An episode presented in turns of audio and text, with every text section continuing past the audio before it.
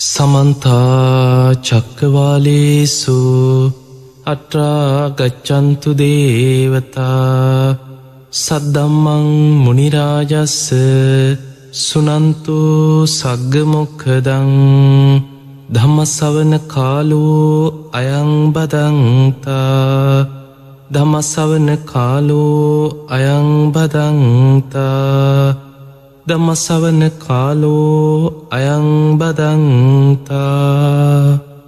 නමෝතස්ස වගවතු අරහතු සම්මා සම්බුද්ධස්ස නමෝතස්ස වගවතු අරහතු සම්මා සම්බුද්ධස්ස නමෝතස්ස භගවතු අරහතු සම්මා සම්බුද්ධස්ස හැම දෙනාටම තෙරුවන්සන්න ප්‍රාර්ථනා කරනවා. අදත් ඔබ හැම දෙනෙක්ම ඔබේ ජීවිතයට ඉතාම වැදගත් ඔබේ ජීවිතයට බුදුරජාණන් වහන්සේගේ ධර්මය එකතුවන උතුම් ධර්ම දේශනාවත් එක්කයි ඔබ එකතු වෙලා ඉන්නේ. පෙංහතුනේ අද දවස අපි බුදුරජාණන් වහන්සේගේ වැඩමවීමේ පූජනීයත්වයට පත්විච්ච මේ ලංකා බොහොමිය තුළ මේ ධර්ණීතලය තුළ මේ උතුම් ලක් දෙරන තුළ පිහිටි සුලස්මස්ථානයන් අතර ස්ථාන කීපයක් ගැන අදාපේ විමසල බලමු. ඔබ දන්නවා අපි බුදුරජාණන් වහන්සේට වන්දනා කරනකොට තුනුරුවන් වන්දනා කරනකොට ගාථා කියනකොට වන්දනා කරනවා අපේ බුදුරජාණන් වහන්සේ වැඩමවීමෙන් පූජනයත්වයට පත්වෙච්ච පුුණ්ණි භූමි. මයංගනන් නාගදීපං කල්්‍යයානං පදලාංචනං දිවාගුහං දීගවාපි චේතියංච මුතිංගනං කියන මේ ගාථා ඔබට මතක ඇති.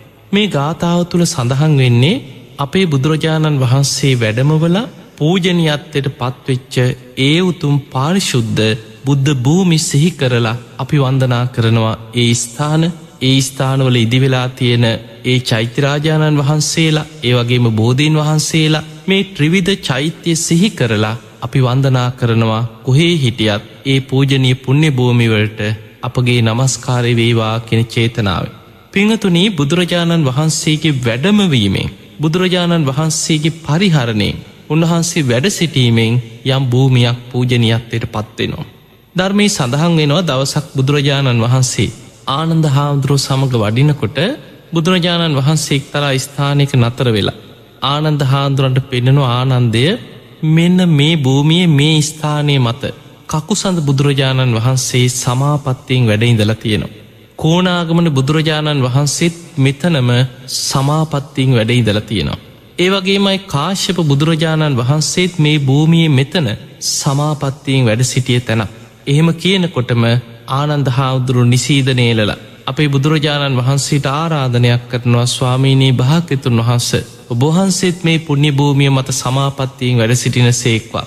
එතකොට මේ උතුම් පූජනීය පුුණ්‍ය භූමිය මේ මහා බඩ්ඩ කල්පේ පහළවෙච්ච බුදුරජාණන් වහන්සේලා සතර නමකගේ වැඩසිටීමෙන් පූජනීයත්වයෙන් සමාපත්තියට සමවැදීමෙන් උතුම්ම පූජනීය පුුණ්‍ය භූමියක් බවට පත්වෙනවා ස්වාමීණී භාකතුන් වහන්සේ මෙතන වැඩඉන්න සේක්වා කියලා ආනන්ද හාමුදුරු ආරාධනයක් කර. එතකොට අපිට පේනවා මේ භූමිය මත සමහර වෙලාවට එතන ගස් කොලන් තියෙන්න්න පුළුවන් එක කැලයක් වගේ පරිසරයක් තියෙන්න්න පුළුවන් සමහරලාවට අතීත ඉදිවෙච්ච චෛත්‍යයක නටබුන් එතන තියෙන්න්නට පුළුවන් සමහරලාවට ඒ සියල්ල විනාස වෙලාගේ ගල්තලාවක් වෙන්න පුළුවන් හැබැයි ඒ භූමිය මත අතීත බුදුරජාණන් වහන්සේලා වැඩ සිටීමෙන් පූජනයත්වයට පත්වෙච්ච උතුම් පූජනීය ඒ භූමියයේ තියෙන වටිනාකමක් රැඳිල තියෙනවා. අන්නේ නිසයි බුදුරජාණන් වහන්සේ ඒ භූමිය දිහා දකිනකොටම අතීත තොරතුරු විස්තර දේශනා කරන්න මේ භූමිය පෙර බුදුරජාණන් වහන්සේලා වැඩ සිටිය පූජනයත්වයට පත්වෙච්ච පුුණ්‍ය භූමියක් කියලා. ඒවගේ පිංහතුනේ මේ ලංකා භූමිය තුළ අපේ බුදුරජාණන් වහන්සේගේ වැඩමවීමෙන් පූජනයත්වයට පත්වෙච්ච පුුණ්‍ය භූමි ගණනාවක් තියෙන. අපි දන්න සමහර පුුණ්‍ය භූමි ගැන අපි දන්නම්මා යංගනේ එටියෙන් ගත්තොත් ඔබ දන්නවා අපේ බුදුරජාණන් වහන්සේ බුද්ධත්වයට පත්වෙලා නමවෙනි මාසේ බුදුරජාණන් වහන්සේ මයංගනයට වැඩම කරලා යක්ෂයන් පලවා හැරලා. එදා මේ රටේ ජීවත්වෙච්ච මනුස්්‍යයන් බොහොම දරුණු අමනුස්්‍යයන්ගේ යක්ෂයන්ගේ ග්‍රහණයකට හසු වෙලා හිටිය බව ඉතිහාස පොත්තොල සඳහන් වෙනවා. අපේ බුදුරජාණන් වහන්සේ පමණයි එදා මේ ගමනට වඩින්නේ. භික්‍ෂු සංඝයා පිරිවරාගෙන වැඩම කරන්න නොවේ. බුදුරජාණන් වහන්සේ අහසිං වැඩම කරලා උන්වහන්සේගේ නිසීදනය පත්කඩේ උන්වහන්සේ අහස එලාගෙන ඒ මත වැඩඉඳලා. තේජෝ කසිනයට සමවැදිලා බුදුරජාණන් වහන්සේ ගිනිදැල් විහිදෝමින් නොෙක් ප්‍රාතිහාර අහසේ දක්වල. මුලින් මහා ගණ අන්දකාරයක් ඇති කරනවා. එදා මයිංගනයට රැස්වෙච්ච යක්ෂයන්ට තම තමන් ළඟඉන්න අයවත් හොයාගණ්ඩ බැරිවෙන තරම් විශාල ගණ අන්දකාරයක් හිටි ගමන් ඇති වුණ ඕ බිය තැතිගත්ත මොකක්ද මේ වුණේ සුළු වෙලාවකින් බුදුරජාණන් වහන්සේ තමන් වහන්සේෝ පේන සලස්සලා අහසේ වැඩසිටිමින් උන්වහන්සේ කතා කරනවා යක්සයිනි. මේ භූමිය තතාගත බුදුරජාණන් වහන්සේගේ ධර්මය පිහිටන භූමිය. බුදුරජාණන් වහන්සේගේ ධර්මය ආරක්ෂාවන භූමිය. ඒ නිසා යක්සයිනේ නුඹල මේ භූමියෙන් ඉවත්වෙන්. නුඹලාට මේ වගේ බොහොම සැපසේ බොහොම රිසිසේ කටයුතු කරන්න පුළුවන් භූමියක් තතාගතයන් වහන්සේ මවල දෙන්න. එදා බුදුරජාණන් වහන්සේ ගිරි දිවයින නමින් දූපතක් ඉරදියෙන් මවලා. මේ යක්ෂයන්ව ගිරි දිවයිනට පලවා හැරලා මේ ලංකා භූමිය යක්ෂයන්ගෙන් ආරක්ෂා කරලා බේරගෙන. ඒ විතරක් නෙමේ බුදුරජාණන් වහන්සේ අහසින් මේ ලංකා භූමිය වටා තුන් වතාවක් ප්‍රදක්ෂිනා කරලා මේ භූමි ආරක්ෂා කරපු බව ඉතිහාස පොත්වල සඳහන් වෙනවා. ඒ වගේමයි එදා බුදුරජාණන් වහන්සේ මයි අංගනයට ඉහළ අහසේ වැඩඉඳමින්. එදා ඒ දේශනා කරපු ධර්මය හලා සබරගමුව පාලනය කරපු පාලක රජතුමා එදා පෙරුමක සුමන නොහෝ සමන් නමින් හඳුන්නපු මේ රජ්ජුරු බණහලා සුවාන් පලට පත් වනා. එදා මේ සුමන සමන් දෙවියන් බුදුරජාණන් වහන්සේගෙන් කේෂ ධාතු මිටක් ඉල්ලගෙන තමයි මයිංගන චෛත්‍යරාජාණන් වහන්සේ ඉදිකරේ බුදුරජාණන් වහන්සේ දහම් දෙසපු පුුණ්‍ය භූමිය මත. එතකොට අපි බුදුරජාණන් වහන්සේ වැඩම කරලා පූජනීයත්වයට පත්වෙච්ච බුදුරජාණන් වහන්සේ දහම් දෙසපු පූජනියම භූමියක් හැටියට මයිංගනයේ සිහිපත් කළ වන්දනාමාන කරනවා. ඔබට ලංකාවේ කොහෙ හිටියත් සමල්ලාට ඔබ ලෝකෙ කොහෙ හිටියත් ඒ උතුම් පුුණ්‍ය භූමිය සිහි කරගෙන මම සරණගිය මගේ බුදුරජාණන් වහන්සේ මේ මයිංගන පුුණ්‍ය භූමියයට වැඩම කරලා මෙන්න මේ ආකාරයට නේද යක්ෂයන් දමනය කරේ. මෙන්න මේ ආකාරයට බුදුරජාණන් වහන්සේ දහම් දෙසලා කේෂ ධාතු මිටක් ලබාදීලා අනාගත දෙව්මිනිස් ලෝකයාටම වන්දනා කරන්න පූජනීය පුුණ්‍ය භූමියක් බුදුරජාණන් වහන්සේගේ වැඩමවීමෙන් උන්වහන්සේ වැඩසිටීමෙන් දහම් දෙසීමෙන් මේ බුද්ධ ශාසනය තුළ ලංකා භූමි අපිට ලැබුණ නේද කියල සිහිකරගෙන වන්දනා කරන්න පුළුවන්. ඊළඟට පිංහතුනේ බුදුරජාණන් වහන්සේ බුද්ධත්වයෙන් වර්ෂ පහකට පමණ පසුව තමයි නාගදීපේට වැඩම කරන්න. බුදුරජාණන් වහන්සේ නාගදීපේට වැඩම කරන්නේ ඒ වෙනකොට මේ නාගදීප පාලනය කරගෙන හිටියේ නාග ගෝට්‍රේට අයිති පිරිස. ඒ අතර චූලෝදර මහෝදර කිරනා රජවරු මේ අය මිනි පළගක් නිසා යුදවදින්න සූදානන් වුණ. විශාල නාග පිරිසක් නාග පිරිසක් කිවට මේ නයින මේ නාග ගෝට්‍රේට අයිති පිරිස. එතකොට මේ අය අවිආවිධ අරගෙන මේ මිනි පළගක් නිසා යුදවදින්න සේනා අරගෙන සූදානං වෙච්ච වෙලාවේ එදා බුදුරජාණන් වහන්සේ බුදුවැසින් දැක්කා යම් හේතුවකින්. මේ මිනි පළග නිසා ඔවුන් අතර යුද්ධයක් ඇති වුණොත්. විශාල් පිරිසක් මරණයට පත්වෙනවා. අනාගතයේ තතාගත බුදුරජාණන් වහන්සේගේ ධර්මය පිහිට නාරක්ෂාවෙන භූමිය.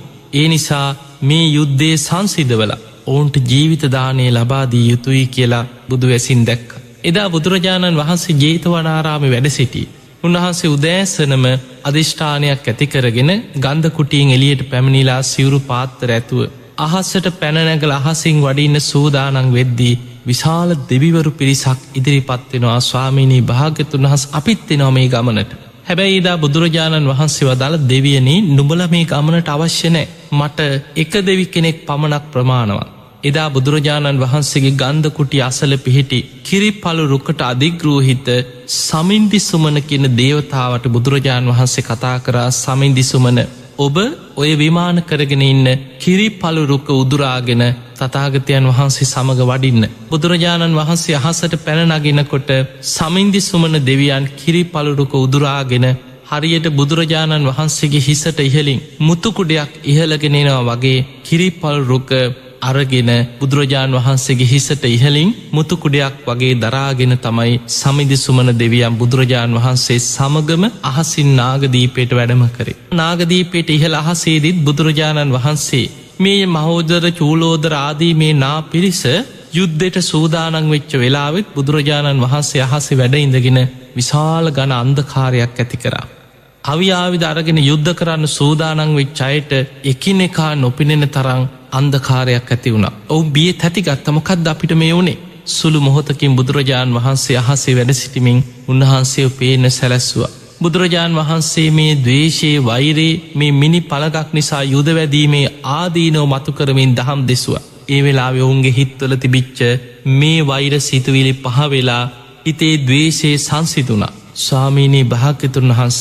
ඔබහන්ස මීට පෙරත් මේ ලංකා භූමියයට වැඩම කළ යක්ෂයන්ගෙන් අපිය බේරගත්තා. මේ වතාය ඔබහන්සේ වැඩම කරේ අපේ ජීවිත ආරක්ෂා කරන්න මයි. අනේ ස්වාමීනයේ භාක්‍යතුන් වහන්ස ඔබහන්සේම මේ පිණි පළඟ පිළිගන්න සේක්වා කියලා බුදුරජාණන් වහන්සේට ඒ පිළිගැන්වා. බුදුරජාණන් වහන්සේ මත වැඩ සිටිමින් දහම් දෙසලා මේ මිනි පළඟ තැම්පත් කළ චෛත්‍යයක් ඉදිකරන්න කියලා උපදෙස් දීලා සමිදිසුමන දෙවියන්ට බුදුරජාණන් වහන්සේ විධාන කරා මේ ප්‍රදේශයේ ආරක්ෂා කරගෙන වැඩඉන්න. කිලිපරවුරු රුක මේ භූමියයේ පිහිටවාගෙන වැඩඉන්න කියලා බුදුරජාණන් වහන්සේ එතනින් ආයමත් මේ අයට අවවාද අනුශාසනා කරලා. දම්බදිවට වැඩම කරන්න සූදානං වෙද්දී අන්න කැලනියේ රජකම් කරන මනියක් එක නාගරජ්ජුරු. මහෝදරගේ සහයට සේනාවක් අරගෙන යුද්ධෙට නාගදීපෙට ගිහින් හිටිය. ඒ වෙලා බුදුරජාණන් වහන්සේට වැඳල ආරාධනයක් කරා ස්වාමීනී භාග්‍යතුන් වහන්ස ඔබහන්සේ මයි අංගනයට වැඩම කළ යක්ෂයන්ගෙන් අපිය පේරල දුන්න. ඒවගේමයි මේ වතාය මේ යුද්ධ නිසාපේ ජීවිත විනාස වෙන්න යද්දී ඔබහන්සේ නැවත වතාවක් නාගදීපේට වැඩම කරලත් අපිය බේරලා දුන්න. ස්වාමිනි ඔබහන්සේ කැලනයට වඩින සේක්වා මම රජකං කරන්න කැලනී භික්‍ෂු සංඝයා සමගින්ම වඩින සේක්වා කියලා බුදුරජාණන් වහන්සිට කැලනයට වඩින ආරාධනා කරන්නේ මනියක්කික නාග රජ්ජුරු නාගදීපේදී. ඒ ආරාධනාව පිළි අරගෙන බුදුරජාණන් වහන්සේ දමදිව් තලයට වඩිනවා. ඔන්න බලන්න බුදුරජාණන් වහන්සේ බුද්ධත්වයෙන් පස්වෙනි වර්ෂයේ නාගදීපේට වැඩම කරලා මිනි පළඟ නිසා ඇතිවෙන්න කිය යුද්ධය සංසිදවල ඒ මිනි පළඟ බුදුරජාණන් වහන්සිට පිළිගැන්වට පස්සේ ඒ මත වැඩඉඳල දහම් දෙසලා බුදු කෙනෙක් පරිහරණය කරපු වැඩ සිටිය මේ මිනි පළඟ පාරිභෝගික වස්තුවක් හැටියට පාරිභෝගික දහතුන් වහන්සේ නමක් හැටියට පරිහරණයෙන් පූජනයත්තයට පත් කරලා එය තැම්පත් කළ චෛත්‍යයක් ඉදිකරන්න උපදෙස්දීලා බුදුරජාණන් වහන්සේ ආයමත් දඹදිවට වැඩම කරා. ඔන්න මේ ලංකා භූමිය තුළ මේ වැඩඉන්න මනුස්්‍යයන්ට ඒවගේම දෙව්මිනිස් ලෝකයාටම වන්දනා කළ පින්ඩැස් කරගන්න තවත් පූජනීය පුුණ්්‍ය භූමයක් අපේ බුදුරජාණන් වහන්සේගේ වැඩමවීමෙන් වැඩසිටීමෙන් සමාපත්තියෙන් වැඩසිටීම තුළ පූජනයත්තයට පත් වනා ඒ තමයි නාගදීප පුුණ්්‍ය භූමි. ඒ වගේ මයි අපේ බුදුරජාණන් වහන්සේ බුද්ධත්වයෙන් අටවෙනි අවුරුද්ධ තමයි. වෙසක් මාසයේ තුළ පන්සීයක් මහරහතන් වහන්සේලා පිරිවරාගෙන කැලනියට වැඩම කරන්න තැන් බලන්න මයිංගනයට වැඩම කරන්න බුදුරජාණන් වහන්සේ තනියම භික්ෂු සංඝයා පිරිවරාගෙන නෙමේ. නාගදීපෙට වැඩම කරන්නෙත් භික්ෂු සංඝයා පිරිවරාගෙන නොවේ. නමුත් කැලනියට වඩින්නේ මනියක් එක නාග රජ්ජුරුවන්ගේ ආරාධනයක් මත. ඒ නිසා බුදුරජාණන් වහන්සේ කැලනියට වැඩම කරන්නේ පන්සීයක් මහරහතන් වහන්සේලා පිරිවරාගෙනයි. අපේ බුදුරජාණන් වහන්සේ කැලනියට වැඩම කරපු ගමනේ බුද්ධත්වයෙන් අටවෙනි අවුරුද්දේ වෙසක් මාසේ තුළ කැලනයට වැඩම කරද්දි මනියක් එක නාග රජ්ජුරු ඇතුළු පිරිස කල්තියා බුදුරජාණන් වහන්සේ වඩින බව දැනගෙන සිටිය නිසා මුළුන් නගරයම සරසලා. කොඩි සේසත් දජ පතාක නංවල බොහම ලස්සනට බුද්ධ ප්‍රමුඛ සංඝයා පිළිගන්න ගෞරවාන්විත උත්සව සංවිධානය කරලා තිබුණා. ඒ වගේමයිඒ ගමනෙදී මේ ලංකා භූමියයේ ඒ ඒ ප්‍රදේශ පාලනය කරපු පාලක රජවරු බුදුරජාණන් වහන්සේව තම තමන්ගේ ප්‍රදේශවලටත් වඩම්මලා පිළිගැනීම පිණිස පූජනීය පිළිගැනීමේ උත්සව සංවිධානය කර. බුදුරජාණන් වහන්සේ පන්සීයක් මහරහතන් වහන්සේලා සමඟ අහසිං වැඩම කරලා කැලනි ගංගාව අසලට බුදුරජාණන් වහන්සේ වැඩම කරලා ගඟෙන් පැම් පහසු වුණා. බුද්ධ ප්‍රමුඛ සංඝයා සමක බුදුරජාණන් වහන්සේ පැම් පහසු වෙලා කැලනි ගඟෙන් ගොඩට වඩිනකොට ගඟට අධිග්‍රෝහිත ගංගාවෙන් මතුවෙන නාගලෝකයේ නාගයන් මේ කැලනි ගංගාව ඔස්සේ මතුවන තොටු පොලක් තිබිච්ච බව ඉතිහාසෙක් පොත්පත්වල සඳහන් වෙනවා. මේ නාගයෝ දිය පහරවල් හරහත් තමයි ගමන් කරන්න. මේ ගංගාවෙන් මතුවෙච්ච මේ නාගයෝ ඉල්ලීමක් කරා ස්වාමීනී භාග්‍යතුන් වහන්ස අපටත් පින් කරගන්න අපටත් වන්දනා කරගන්න පූජනය සලකුණක් මේ ගම් පතුලෙ පිහිටවන්. පිංහතුන ඉතිහාසෙ සඳහන් වෙනවා කැලනි ගගේ රලෙ මුවාවන තැන නාගයන්ගේ ආරාධනය මත නාගයන්ට වැඳුම් පිදුම් කරන්න බුදුරජාණන් වහන්සේ ගංගාවේ ගල් තලාව මත සිරිපත්තුල් සටහනක් පිහිටෙව්වා කියලා. නාගයන්ට වැඳුම් පිදුම් කරලා පින් රැස් කර ගැනීම පිණිස. එතකොට අද වෙනකොට අපිට ඒක හොයාගන්න නැමොකද ගංගාව පතුලේ රලෙ මවාවන තැන නාගයන්ගේ ආරාධනය මත නාගලෝක නාගයන්ට පින් කරගන්න වන්දනා කරන්න ඒ සිරිපතුල පිහිටෙව. මෙ මිනිස්සුවන අපිට ගගේ පීනගෙන ගිහිල හොයාගෙන වඳන්න නෙමෙයි. ඒ නිසා ඒ පූජනීය සිරිපා සටහන ගැන ඉතිහාස පොත්තොල සටහන් වෙනවා. බුදුරජාණන් වහන්සේ පැම් පහස් වෙලා ගොඩට වැඩියට පස්සේ උන්වහන්සේගේ දිය සාටකේ නානකඩේ කියනවා. මේ දිය සාටක දහතුන් වහන්සේ හැටියට හඳුන්නනවා බුදු කෙනෙක් පරිහරණය කරපු නානකඩේ ඒ වෙලාවේ බුදුරජාණන් වහන්සේගේ උපස්ථාන කරපු උපස්ථායක ස්වාමීන් වහන්සේ හෝදල ගලක වනනවා. මේ ගලත් සමගම එහෙම්මම පිහිටිය ආයමත් ගන්න බැරි වුණ බුදුරජාණන් වහන්සේ උපදෙස් දුන්නා මේ ගලත් මැදි කරලා එතන චෛත්‍යයක් ඉදි කරත්. ඉතිහාස සඳහන් වෙනවා බුදුරජාණන් වහන්සේගේ නානකඩිය ඒ ගලේ සිවුර හෝදල වැනුවට පස්සේ ඒ ගලත් සමගම මැදි කරලා ඉදිකරපු චෛත්‍යයක් හැටියට එදා සිවුරු දා ගැබ නමින් හඳුන්නපු චෛත්‍යයක් මේ භූමිය තිබුණ කියලා. නමුත් ඔබ දන්නවා ඉතිහාසේ විදේශ ආක්‍රමණයන් සමඟ එදා විශාල පිරිසක් එක්ක පැමිණිච්ච කාලිංග මාග මේ කැලනිය පූජනය පුුණ්‍ය භූමිය පිහිටි සිවුරු දාගැබ ඇතුළ බොහෝ ගොඩ නැගිලි විනාසයට පත් කර. එදා බුදුරජාණන් වහන්සේ එතනින් ගංගාවෙන් පැම් පහස් වෙලා පන්සීයක් මහරහතන් වහන්සේලා සමඟ වැඩම කරේ අද කැලනිය චෛත්‍යරාජාණන් වහන්සේ පිහිටි පුුණ්‍ය භූමිය මත. එදා මනියක් එක නාග රජ්ජුරෝ මේ භූමියේ බුද්ධ ප්‍රමුඛ සංඝයා වෙනුවෙන් ආසන පනවල බුදුරජාණන් වහන්සේට වැඩඉන්න තමන්ගේ මිනි පළඟ මැනික්කොලින් කරපු පුටුවක් ඒ භූමියේ සකස් කරලා පන්සීයක් මහරහතන් වහන්සේලාට ආසන පනවල තිබුණ. බුද්ධ ප්‍රමුඛ සංඝයායේ මත වැඩහිටියා උන්වහන්සේලාට දම් පිළිගන්වල රජ්ජුරූ ඇතුළු මේ පිරිස බනහලා බොහෝම සද්ධාවෙන් බුද්ධ ප්‍රමුඛ සංඝයාට ඒ ඇපවපස්ථාන වන්දනාමාන කටයුතු සිදු කර. බුදුරජාණන් වහන්සේ තන වැඩඉඳල පූජනීයත්වයට පත්වෙච්ච ඒ භූමියේ උන්වහන්සේ වැඩ සිටිය මිනි පළග මැදි කරලා තමයි කැලනී චෛත්‍යරාජාණන් වහන්සේ ඉදිකරේ.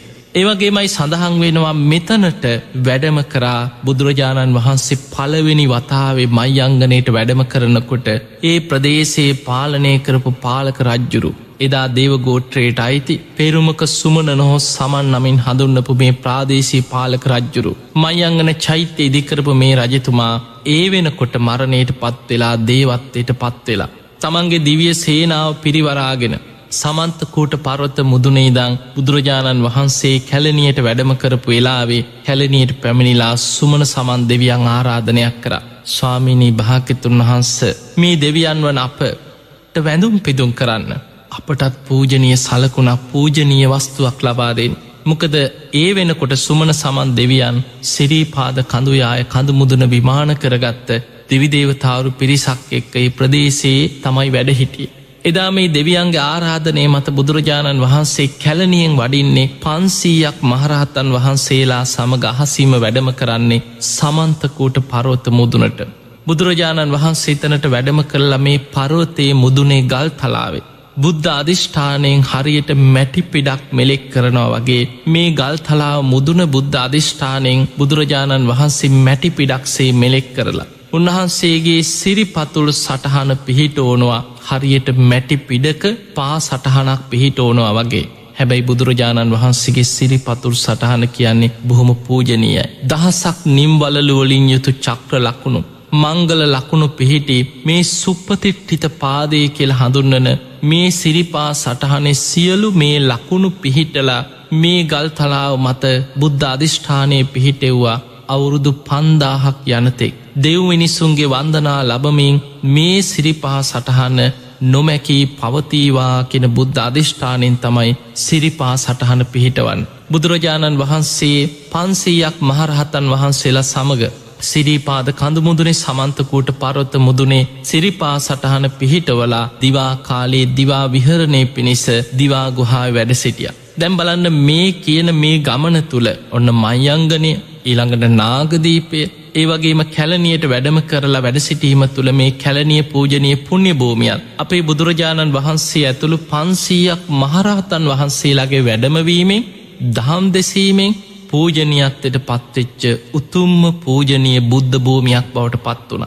තිං ඔබ ලෝකෙ කොහි හිටියක් ඔබට මේ කැලනිය පුුණ්‍යභූමිය සිහිපත් කරලා ඒ පූජනීය සිදුවීන් සිහිකරගෙන වන්දනා කළ පින් රැස් කරගන්න පුළුවන්. ඒ වගේමයි අපි දන්නවා මේ ලංකාවාසී සැදහැවතුන්. ඒ වගේමයි විදේශ රටවල හිටිය සද්ධාව තියෙන පින්වතුන්. මේ ලංකා බෝමීට පැමිණිලා සිරිපා කරුණා කරන්නේ බොහෝම සද්ධාවෙන්. මේ සිරිපා කරුණා කරන කාලේ එනකොට බුදුගුණ කිය කිය දහම් ගුණ කිය කිය සඟගුණ කියමින් තුනුරුවන් වන්දනා කරමින් බොහෝම සද්ධාවෙන් මේ සිරීපාද කඳුමුදුනට නගින්නේ බොහොම අමාරුයි. හැබැයි ඒ කොච්චර අමාරුවක් තිබුණත් හිතේ සද්ධාවත් එක්ක. අමාරුව වෙහෙස මේ තරම් කන්දක් නේද කොච්චර දුරක් යන්න තියෙනවාද ඒ කිසිම හැඟීමක් නැතුව බොහොම සද්ධාවෙන් එදා අතීතය අපේ පැරැන්නු අවුරුද්ධකට වතාවක් සිරීපාද වන්දනා කරන්න පුරුදු වෙලා හිටිය. මේ විදිහට බොහොම සද්ධාවේ මේ කඳු මුදුනට නැගලා බුදුරජාණන් වහන්සේගේ සිරිපා සටහන පිහිටි ඒ උතුම් පූජනී පුුණ්‍ය භූමි අපි වන්දනා කරගන්න. ඒ පුුණ්‍ය භූමියත් මේ ලංකා භූමිය තුළ දෙව්මිනිස් ලෝකයාටම වන්දනා කළ පින් රැස් කරගන්න ලැබිච්ච උතුම්ම පූජනය පුුණ්‍ය භූමියක්. ඒවගේමයි බුදුරජාණන් වහන්සේතනින් දිවාගුහාාවට වැඩම කරලා පන්සීයක් මහරහතන් වහන්සේලා සමඟ දිවා විහරණය පිණිස වැඩ සිටිය. එතනින් ඒ වැඩ සිටීමෙන් ඒ පූජනය පුුණ්‍ය භූමියත් මේ ලංකා භූමිය තුළ පිහිටි උතුම්ම පූජනය පුුණ්‍ය භූමියක් බවට පත් වුණ. ඒවගේමයි බුදුරජාණන් වහන්සේ පිළිගන්න බුද්ධ ප්‍රමුඛ මහරහතන් වහන්සේලා පිළිගන්න. එදා මේ රටේ ප්‍රදේශ පාලනය කරපු ප්‍රාදේශී පාලක රජවරු තම තමන්ගේ ප්‍රදේශවල බුද්ධ ප්‍රමුඛ සංඝයා වෙනුවෙන් උත්සව සංවිධානය කරලා අද පවා ඔබ හිතන්න ලංකාවට බොහොම පූජනය ශේෂ්ඨ කෙනෙක් පැමිණෙනවා වඩිනවා කියලා දැනගන්න ලැබුණො. ඒ වඩින පූජනය කෙනාව ඒ ඒ නගරවලට වඩම්මල පිළිගැනීම පිණිස ඒ පූජනය කටයුතු සිදු කිරීම පිණිස ඒ ඒ ප්‍රදේශවල උත්සව සංවිධානය කෙරෙනවා. අන්නේ වගේ එදා රජවරු බුද්ධ ප්‍රමුඛ සංඝයා වෙනුවෙන් පිළිගන්න ඒ ඒ ප්‍රදේශ සංවිධානය කරලා තිබුණ. බුදුරජාණන් වහන්සේ එතනින් වැඩම කරා දීගවාපිය පිහිටි පූජනය පුුණ්‍ය භූමි. වැදම කරලා බුදුරජාණන් වහන්සේ ප්‍රදේශේන ජනතාව වෙනුවෙන් පුුණ්‍ය භූමී වැඩඉඳල දහම් දෙසලා ඒ අයට වැදුම් පිදුම් කරන්න නිය දහතුන් වහන්සේලා ලබාදීපු බවත් ඒ වගේම කේෂ දහතුන් වහන්සේලාත් ලබාදීපු බවත් ඒ දහතු තැම්පත් කරලා පූජනය චෛත්‍යරාජාණන් වහන්සේ නමක් ඉදිවිච්ච බවත් ඉතිහාස සඳහන් වෙලා තියෙනවා. ඒ වගේමයි ඔබ දන්නවා කතරගම පුුණ්‍ය භූමිය තිස්ස මහාරාම පුුණ්‍ය භූමි අපේ බුදුරජාණන් වහන්සේගේ වැඩමවීමෙන් පූජනයත්තයට පත්වෙච්ච පුුණ්‍ය භූමි. දැන් ඔබ දන්නවා මුති අංගන පුුණ්‍ය භූමි අපේ බුදුරජාණන් වහන්සේ වැඩම කළ පූජනයත්තයට පත්වෙච්ච පුුණ්‍ය භූමි මේ පුුණ්‍යභූමියවලට බුදුරජාණන් වහන්සේ වඩින්නෙත් මේ වගේම ඒ ඒ ප්‍රදේශ පාලනය කරපු ඒ පාලක පිරිස සංවිධානය කරපු මේ උත්සවවලට. බලන්න බුදුරජාණන් වහන්සේ කතරගමට වඩිනකොට එදා රෝහණේ රුහුණ පාලනය කරේ මහසෙන් රජ්ජුරුව මහාසේන මහාගෝස මහා සෝන කියලා නම් කීපයකින් හැඳින්වේ මහසෙන් රජ්ජුරු. රෝහණය රුහුණ පාලනය කරපු ප්‍රාදේශී පාලක රජ්ජුරු. මේ රජ්ජුරුවන්ගේ රාජකිය උයන තමයි කිහිරි වනේ මේ රජ්ජුරුවන්ගේ රාජකිය උයනේ කිහිරි වනේ එදා බුද්ධ ප්‍රමුඛ පන්සීයක් මහරහතන් වහන්සේලා පිළිගැනීම පිණිස බොහෝම ලස්සනට සරසල ආසන පනවල බොහොම ලස්සන පිළිගැනීමේ පින්කමක් සංවිධානය කළ තිබුණා. බුදුරජාණන් වහන්සේ පන්සීයක් මහරහතන් වහන්සේලා සමඟ වැඩම කරලා ඒ මත වැඩසිටින්නත් රජ්ජුරුවන්ගේ රාජකී ආසනේ මැනික් ඔබ්බපු මේ මිනි පළගක් තමයි මැනික් පුටුවක් තමයි ඒ කිහිරි වනේ බුදුරජාණන් වහන්සේ වෙනුවෙන් මහසෙන් රජ්ජුරුව කතරගම ඒ පුුණ්‍ය භූමය තුළ සූදානන් කරේ. බුදුරජාණන් වහන්සේ මත වැඩඉඳලා එදා මහසෙන් රජ්ජුරුව ඇතුළු මේ රාජකීය පිරිසට දහම් දෙසනෝ. ඒ බණහලා එදා මහසෙන් රජ්ජුරුවෝ ධර්මාවබෝධයක් ලබපු බව ඉතිහාසි සඳහන් වෙනවා. පිංවතුනි ඉතිහාස එදා අතීතේ කතරගම දෙවියන් හැටියට හැඳින්නුවේ අද අපි කතරගම දෙවියන් හැටියට හඳුන්නන මේ කන්දකුමාර ස්කන්දකුමාර කියලා හඳුන්වන දෙවියන්ට වඩා මහසෙන් දෙවියන් හැටියට හඳුන්නපු බුදුරජාණන් වහන්සේගෙන් බණහල සෝවාන් පලට පත්වනා කියල ඉතිහාස තොරතුරු විස්තර ඇතුළත් ඒ ප්‍රදේශයේ පාලනය කරපු ප්‍රාදේශී පාලක රජ්ජුරුව වෙච්ච මේ මහසීන් රජ්ජුරුවන්ට තමයි යෙදා මිනිස්සු මහසෙන් දෙවියන් හැටියට වැඳුම් පිදුම් කරේ. අපේ බුදුරජාණන් වහන්සේගෙන් බණහල මේ මහසෙන් රජ්ජුරු ඇතුළු බොහෝ පිරිසක් ධර්මාබෝධය ලබපු බව ඉතිහාසි සඳහන් වෙලා තියෙනවා. බුදුරජාණන් වහන්සේගෙන් බණහල ධර්මාබෝධය ලබපු මහසෙන් රජ්ජුරු ඉල්ලීමක් කරනවා ස්වාමීණී භාකතුන් වහන්ස අපටත් වැඳුම් පිදුම් කරන්න මේ ප්‍රදේශය ඉන්න මේ ප්‍රදේශි මිනිස්සුන්ට වැඳුම් පිදුම් කරන්න පූජනය දෙයක් ලබා දෙෙන්. බුදුරජාණන් වහන්සේ හිස පිරි මැදල කේෂ දහතු මිටක් ලබා දෙනවා. ඒ කේෂ දහතුන් වහන්සේලා කරඩුවක තැම්පත් කරලා අපේ බුදුරජාණන් වහන්සේ වැඩසිටිමින් දහම් දෙසපු කිහිරි වනේ ඒ වැඩසිටි ආසනය මතම කේෂ දහතුන් වහන්සේලා සහිත ධාතු කරඩුව ආසනය මත තැම්පත් කරලා ඒ වැඩසිටි ආසනයත් කේෂ දහතු කරඩුවත් මැදි කරලා කිහිරි වනේ ඉදිකරපු චෛත්‍යරාජාණන් වහන්සේ තමයි කිරිවිහෙර චෛත්‍ය හැටියට හඳුන්නන්නේ. එදා මහසෙන් රජ්ජුරුව තමයි බුදුරජාණන් වහන්සේ වැඩම කරලා වැඩසිටිමෙන් දහම් දෙසපු තැන මේ කිහිරි වනේ දහම් දෙසපු තැන උන්වහන්සේ වැඩසිටි ආසනයක් උන්වහන්සේගේ කේෂ දහතුන් වහන්සේලාත් තැම්පත් කරලා කිරිවිහෙර චෛත්‍යරාජාණන් වහන්සේ ඉදි කරන්න. ඒ වගේමයි මේ රජ්ජුරුවෝ මරණින් පසු මේ භූමිය ආරක්ෂා කරගෙන වැඩසිටිය එදායේ ප්‍රදේශයට මධිකරූහිත දේවතාව හැටියට ඒ ප්‍රදේශෙන් මිනිස්සු විශ්වාසයෙන් වැඳුම් පිදුම් කරපු බව ඉතිහාසි සඳහන් වෙලා තියෙනවා. බුදුරජාණන් වහන්සේ කතරගම කිරිවිහෙර පිහිටි පුුණ්‍ය භූමිය පූජනයත්තයට පත්වනේ අපේ බුදුරජාණන් වහන්සේ ඇතුළු පන්සීයක් මහරහත්තන් වහන්සේලාගේ වැඩමවීමෙන් ඔන්න ඔය ආකාරයට. ඒ වගේ මයි ඔබ දන්නවා මුතියංගනය ගැන. ඉන්දක දෙවියන් හැටියට අදාපි හඳුන්නන මේ කෙනා තමයි ඒ ප්‍රදේශේදා පාලනය කරපු පාලක රජ්ජුරුව හැටියට ඒ ප්‍රදේශ පාලනය කළ තියෙන් ඉන්දක නමෙන් හඳුන්නන දේව ගෝට්‍රේට අයිති කෙන. ඒ කාලෙ නොේ රාක්ෂ කියයි නාග කියයි දේව කියයි මේ අය නොේ ගෝත්‍රිකයන් හැටිට එක එක ගෝත්‍රවලට එක එක කණ්ඩායන්වලට බෙදිච්ච පිරිස හැටියට තමයි ඒ ඒ ප්‍රදේශ පාලනය කරේ. එදා මේ ඉන්දක කියන මේ දෙවියන් දේව ගෝට්‍රේට අයිති කෙන එනිසා දෙවියන් හැටියට තම ඒ හැඳින්. මේ බුදුරජාණන් වහන්සේ ඇතුළු පන්සීයක් මහරහත්තන් වහන්සේලා අද මුතියංගන චෛත්‍ය පිහිටි පුුණ්‍ය භූමියටත් එතනට වැඩම කරනු. ඒ වෙලාවේ බුදුරජාණන් වහන්සේ වැඩ සිටින තැනට උන්වහන්සේගේ ශරීරයට අවුරශ්මියක් වැටිච්ච වෙලාව. බුදුරජාණන් වහන්සේගේ නලල් තලය මතින් දහඩිය බින්දු කීපයක් මතු වෙලා තියෙනවා. ඉන්දක දෙවියන් බුදුරජාණන් වහන්සේට වන්දනා කළ උන්වහන්සේ වැඩ සිටිය තැන බුදුරජාණන් වහන්සේ දහම් දෙසුවට පස්සේ බණහාලා බොහෝ පිරිසක් ධර්මාවබෝධය ලබනු. එදා ඒ ප්‍රදේශේ පාලනය කරපු මේ බුද්ධ ප්‍රමුඛ සංඝයා වෙනුවෙන් මේ පින්කම සංවිධානය කරපු ඒ ප්‍රදේශයට වැඩම කරපු වෙලාවේ බොහොම ගෞරුවෙන් පිළිගත්ත මේ ඉන්දක දෙවියන් ඉල්ලීමක් කරා ස්වාමීණී භාකතුන් වහස අපටත් වැනුම් පිදුම් කරන්න පූජනීය දෙයක් ලබාදෙන්. බුදුරජාණන් වහන්සේගෙන් නලලේ ඒ මොහොතේ මතුවෙලා තිබිච්ච මේ දහඩිය බින්දු. බුද්ධ අධිෂ්ඨානයෙන් දහඩිය මුතු බවට පත්තේවාකෙන අධිෂ්ඨානින් බුදුරජාණන් වහන්සේ උන්වහන්සේගේ ශ්‍රී හස්තයෙන් එක් අතකින් දහඩිය බින්දු පිරිමදිනකොට අනෙක් ශ්‍රී හස්තයට මේ දහඩිය මුතු බවට පත්වෙලා ලැබුණ. උන්වහන්සේ මේ ශ්‍රී හස්තයට ලබාගත්ත මේ මුත්තක දහතුන් වහන්සේල හැටියට හඳුන්නන්න. දහඩිය මුතු බවට පත්වෙච්ච මේ දහතුන් වහන්සේලා. ඉන්දක දෙවියන්ට ලබා දෙනවා බුදුරජාණන් වහන්සේ වැඩ සිටපු මේ භූමිය මත මේ මුත්තක ධාතුන් වහන්සේලා තැම්පත් කළ චෛත්‍යයක් ඉදි කරන්න. ඒවගේමයි බුදුරජාණන් වහන්සේගේ කේෂ දහතුන් වහන්සේලා ලබාදීප බව සඳහන් වෙන. කේෂ දහතුන් වහන්සේලාත් දහඩිය මුතු බවට පත්වෙච්ච බුද්ධ අධිෂ්ඨානයෙන් දහඩිය මුතු බවට පත් කළ ලබාදීපු මේ මුත්තක දහතුන් වහන්සේලා තැම්පත් කළ තමයි මුතියංගන චෛත්‍යරාජාණන් වහන්සේ ඉන්දක දෙවියන් විසින් එදා ඉදිකරා කියලා ඉතිහාසි සඳහන් වෙලා තියෙන්. ඒ නිසා තමයි මුතියංගනය කියන දහඩිය මුතු බවට පත්වෙච්ච මේ ධාතු තැම්පත් කරලා ඉදිවෙච්ච චේතිය.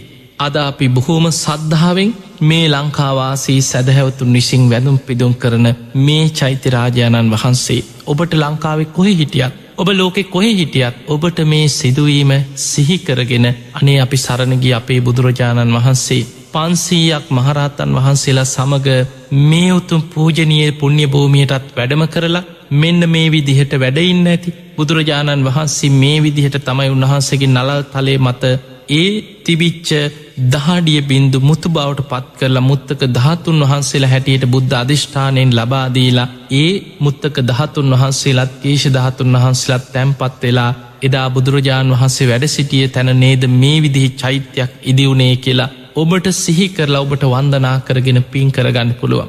ඒ වගේමයි බුදුරජාණන් වහන්සේ තිස්ස මහාරාම චෛත්‍ය පිහිටි පුුණ්‍ය භූමිය මත පන්සීයක් මහරහතන් වහන්සේලා සමඟ වැඩ සිටපු බව ඉතිහාසි සඳහන් වෙනවා. බුදුරජාණන් වහන්සේ එතනත් වැඩඉඳල පූජනීයත්වයට පත් කරා අනාගතයේ ඒ පූජනී පුුණ්‍යභූමිය මත කාවන්තිස්ස රජතුමා විසින් බොහෝ දහතුන් වහන්සේලා තැම්පත් කරලා පූජනය චෛත්‍යයක් ඉදිකරන බව බුදුරජාණන් වහන්සේ බුදු ඇසින් දකිනෝ.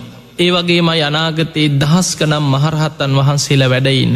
රෝහණයේ පිහිටි මහා විහාරයක් බවට පත්වෙන මේ තිස්ස මහාරාම චෛත්‍ය පිහිටන තැන බුදුරජාණන් වහන්සේ ඒ ස්ථාන බොහෝ තැන් මේ සොලොස් මස්ථානව හැටියට අපි හඳුන්නන මේ බොහෝ පූජනය පුුණ්‍ය භූමි. මේ පෙර මේ මහා බද්ධකල්පයේ පහළවෙච්ච කකු සඳ කෝනාගමන කාශ්‍යප කියන පෙර බුදුරජාණන් වහන්සේලාත් ලංකාදීපයට වැඩම කරපු බවත් ඒ බුදුරජාණන් වහන්සේලාත් මේ පුුණ්‍ය භූමිය ගණනාවකම සමාපත්තියෙන් වැඩඉඳලා ඒ පූජනය පුුණ්‍ය භූමිත් පූජනයත්තයට පත්කරපු බවත් ඉතිහාසය සඳහන් වෙලා තියෙන. ඔබ මහාවන්සේ කියෝනෝනම් මහාවන්සේ අධ්‍යනය කරනවන මේ මහාවන්සේ සඳහන් වෙනවා පෙර බුදුරජාණන් වහන්සේලා කකු සඳ කෝනාගමන කාශ්‍යප කියන මේ බුදුරජාණන් වහන්සේලාත් ලංකා භූමියයට වැඩම කරපු විස්තර මේ භූමියයේ සමාපත්තියෙන් වැඩඉඳල පූජනයත්තයට පත්කරපු විස්තර ඉතිහාසේ සඳහන් වෙලා තියෙනවා. ඒ පූජනය පුුණ්‍ය භූමි බුදුරජාණන් වහන්සේලා දකිනෝ. ඒ නිසා බුදුරජාණන් වහන්සේ ඒ පෙර බුදුවරු වැඩහිටිය පූජනය පුුණ්‍ය භූමි මත්තම වැඩඉඳලා ඒ පූජනී පුුණ්‍යභූමි තවත් පූජනයත්තයට පත් කරනවා අපේ ගෞතම බුදුරජාණන් වහන්සේගෙත් සමාපත්තියට වැඩසිටීම තුළින්.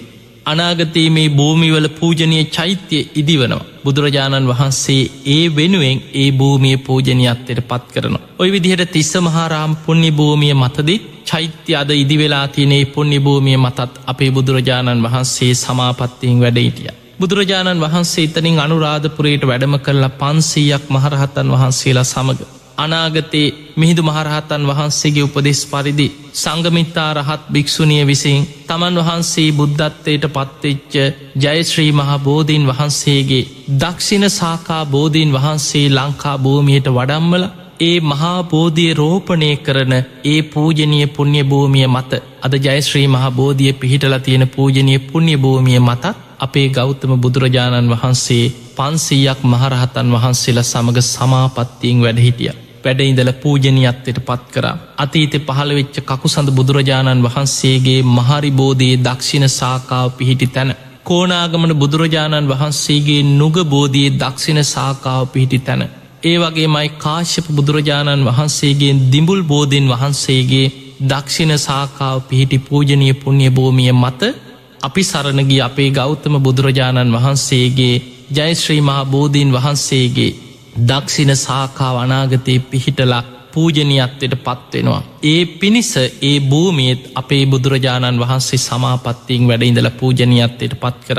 ඒ වගේමයි අනාගතයේ දුටු කැමණු රජ්ජුරු ද්‍රෝණයක් දහතුන් වහන්සේලා තැම්පත් කළ නාගලෝකයේ ඒ වෙනකොට අනාගතයේ පවතින බුදුරජාණන් වහන්සේ පිරිනිවන් පෑවට පස්සේ ඒ ලැබෙන සර්වඥ දහතුන් වහන්සේලාගෙන් හරියටම අටෙන් එකක් එක් ද්‍රෝණයක් ප්‍රාමගාම නගරේ කෝලි රජදරුවන්ට ලැබෙන මේ දහතු ද්‍රෝණයම අනාගතයේ මේ ලංකා භූමියයට වඩම්මල මහා සෑයක් ඉදි කරලා දුටු ගැමුණු නම් රජ කෙනෙක් දහතුන් වහන්සේලා ද්‍රෝණයක් තැම්පත් කරලා මහා සෑයක් ඉදි කරනවා.